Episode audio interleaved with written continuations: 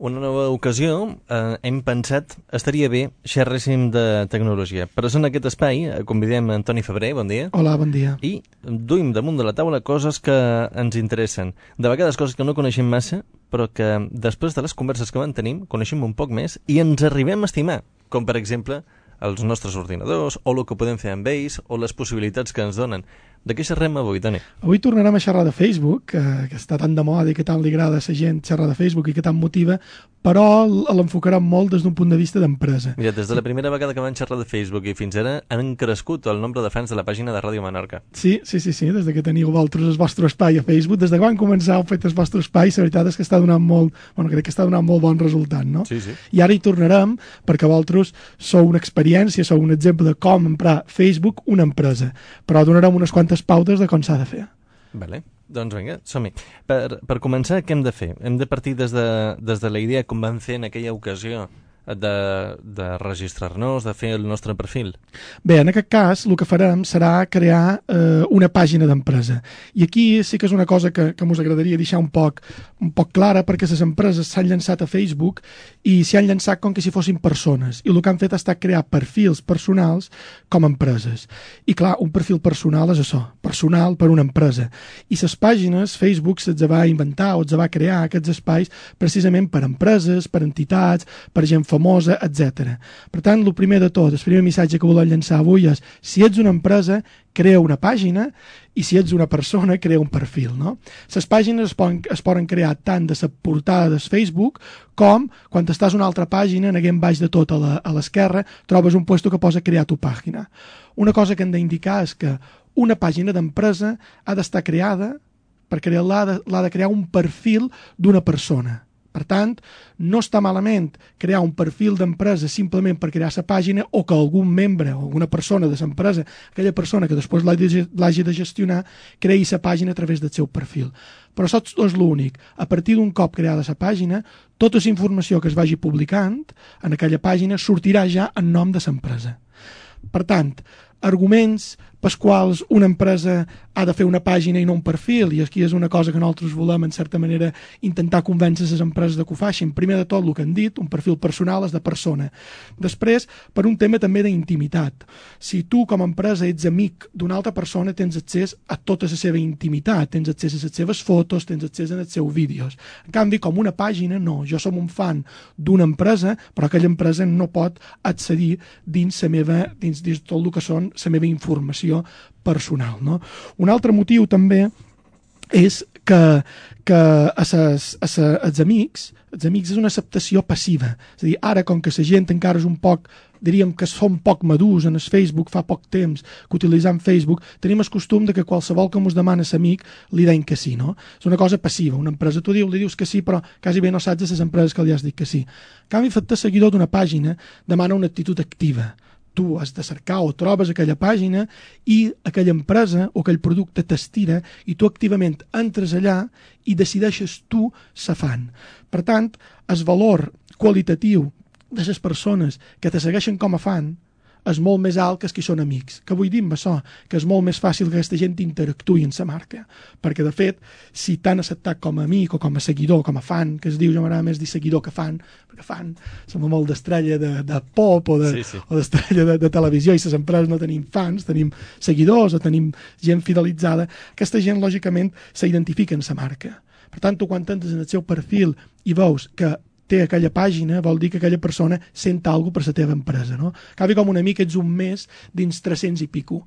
Les empreses diuen, és que com a amic té molta gent, en tinc 300, 400, 800, i nosaltres sempre ens diem sí, però quin valor tenen qualitativament, quin, com que participen, com que et senten identificat a l'empresa. A lo millor amb una pàgina en tindries 100, però seria una gent que donaria molt més valor a la informació que li dones. I a més que hi ha una diferència, o tal vegada diverses diferències, no? respecte a el que seria amic i, i, i fan. Les pàgines, per, començar, tenen la disponibilitat de que tu consultis un poc les estadístiques de qui t'entra, de, de com interactua, cosa que amb el tema dels amics no passa, no?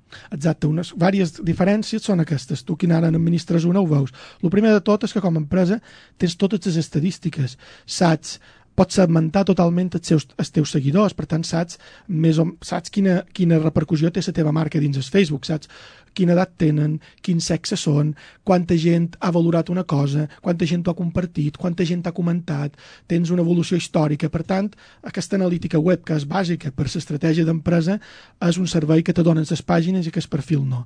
I una altra cosa, si tu vols fer participar els teus seguidors, en el teu perfil personal, lògicament només pots pujar fotos tu, pots posar vídeos tu, pots posar contingut tu. En canvi, les pàgines, els, qui, els, admiradors, els seguidors, poden pujar fotos, poden pujar vídeos, poden eh, posar comentaris en el mur. Per tant, tu pots aprofitar l'experiència d'usuari per donar valor a la teva marca. Hi ha moltes empreses que utilitzen la seva pàgina de Facebook per dir puja-mos fotos d'aplicacions dels nostres productes, no? o fem un concurs de fotografies o de vídeos sobre X tema relacionat amb l'empresa. Per tant, totes aquestes coses, el perfil de Facebook no te'l dona i la pàgina sí. De fet, en, pensem que com a empresa volem estar presents a una xarxa com Facebook i creem una pàgina. Està clar que eh, tenim ja clar el concepte de la diferència entre el que seria amic i el que seria fan o seguidor, però què hi posem en aquella pàgina per, per en un moment determinat eh, arribar a la gent? Sí, aquest és el problema sempre que es troben. No? Nosaltres, clar, el que dèiem, sempre defensam aquesta cosa de que hem de planificar la nostra presència a internet, a qualsevol, a qualsevol plataforma d'internet, fins i tot a la pàgina web. Per tant, abans d'entrar, lògicament, i tinguent clar que els conceptes que hem dit, t'has d'haver marcat uns objectius. Si vols fidelitzar, si vols fer atenció al client, si l'únic que, vol, que vols és emetre una imatge intencional de l'empresa, etc. No? I en base a això, després generaràs el contingut, lògicament. Si tu el que vols és fidelitzar, pues hauràs de pensar en campanyes de fidelització, en cupons de descompte, en trobades de seguidors, en donar-los productes a provar perquè ells et valorin. Aquí el que estàs fent és fidelitzar. Si tu el que vols és generar imatge intencional, que que per als oients imatge intencional vol dir aquella imatge que tu com a empresa transmets, que no és imatge que tens, perquè la imatge que tens és el que tu transmet i el que els altres reben i, i emeten sobre tu, però si tu vols emetre imatge intencional, doncs has de saber que hauràs de xerrar, doncs potser hauràs de donar consells, solucions, ajuda, informació corporativa, informació d'interès, tot, aquest, tot aquest contingut també l'has d'haver planificat, compartir enllaços, tu pots aportar fotos teves o pots aportar fotos d'altra gent, vídeos, de, per exemple, si tu tens una pàgina de Menorca, doncs pots anar a YouTube a cercar vídeos de Menorca que no necessàriament siguin vídeos teus o fotos que no siguin teus, etc. no? A, a més a més, està clar que quan eh, partim de la idea de que podem fer una pàgina, la pot fer qualsevol. Per això mateix la intentarem fer el millor possible, no? És a dir, eh, tenir un poc eh, el bon gust de cercar els elements adequats que vagin bé amb la idea pròpia de la nostra empresa i de servir-los bé amb una safata, no? com si fos un cambrer. De manera que la persona o l'usuari que va a veure'ns eh, per primera vegada doncs, trobi allò que li enganxi, li agradi o que li animi a participar. I tant. Per exemple, quan dèiem les estadístiques, les estadístiques te serveixen per això. Tu saps quin contingut has posat, que la gent ha respost més en aquell contingut, per tant tu des d'aquell moment pots dir, bé, jo sé que quan share de tal tema o aporta el contingut, aporta una foto, aporta un vídeo, aporta un enllaç a tal pàgina, la gent ha comentat més, ho ha valorat més. Per tant, la mateixa gent t'ajuda també a definir aquest contingut gràcies a l'estadística que te dona la pàgina. Tant, la pàgina, lògicament, està pensada eh, perquè funcioni l'empresa, no? I perquè, perquè li tregui un rendiment l'empresa, no? Què és l'aplicació aquesta RSS? L'aplicació d'RSS és sindicació de contingut. Eh, L'altre dia fem un curs i ens va costar explicar-ho, no? que volia dir, perquè si gent ho entengués. CRSS el que consisteix en que, és en que la informació que tu publiques, el contingut que tu publiques, se pugui distribuir i se pugui reproduir a qualsevol altra banda d'internet. És a dir, quan tu fas una pàgina web, tens el que és l'estructura, el que és el disseny i tens el contingut. Si aquest contingut tu el tens a una base de dades i el tens sindicat, jo, des d'una altra web, puc absorbir aquell contingut i endomar a la meva web. Copiar i pegar. Copiar i pegar, però automàticament. És a dir, quan tu actualitzis la teva pàgina, això automàticament me sortirà la meva actualitzat. Si tu tens una pàgina d'empresa a Facebook i s'indiques el contingut de la teva web, automàticament, quan tu actualitzis la teva web, no hauràs d'anar a Facebook i tornar a posar que has actualitzat, sinó que automàticament Facebook apareixerà el que tu has posat a la teva web. Per tant, això és sindicar. Sindicar és compartir, posar el contingut de tal manera que tothom el pugui compartir i el puguin llegir en diferents plataformes, en el Facebook, a un lector, a Google Reader, etc etc. Bueno, ens queda just un minutet. Què més podem dir per animar la gent a que faci pàgines, si es tracta d'una empresa, i donar a entendre de la utilitat que pugui tenir?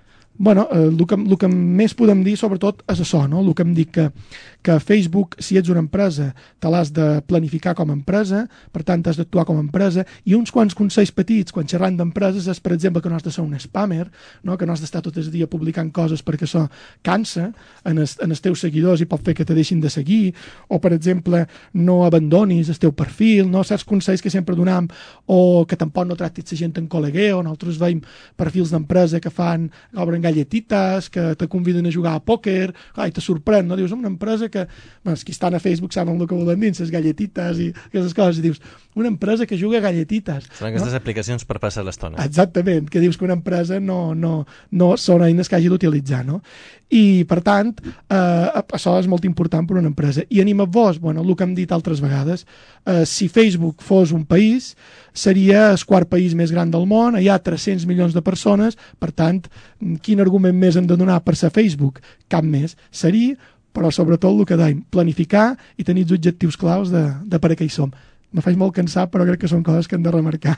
I, i tant és així que ho remarcarem en funció de que continuem vinguent i tornant a, a la ràdio i en aquests espais. El proper serà ja la propera setmana.